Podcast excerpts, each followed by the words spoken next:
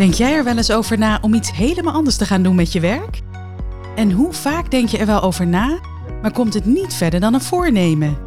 Of maak je misschien wel een start, maar laat je alles toch bij het oude als de twijfel toeslaat en het toch allemaal niet zo makkelijk gaat om die verandering te realiseren? Grote kans dat je dit herkent. Echt veranderen en dat ook volhouden blijken we vaak toch erg lastig te vinden. Zelfs als je heel graag iets anders wil of wil gaan doen, saboteer je jezelf vaak door wel honderd redenen te bedenken waarom je het toch niet moet doen. Of af te haken bij de eerste de beste tegenslag. En dat vind ik zonde. Want hoe fijn en belangrijk is het om te doen waar je echt plezier in hebt.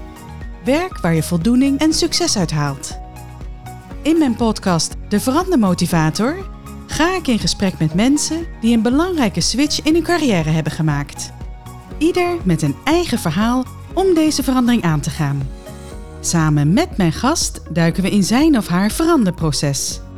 De stappen, uitdagingen, twijfels, keuzes, rol van de omgeving, de succesfactoren, alles komt aan de orde.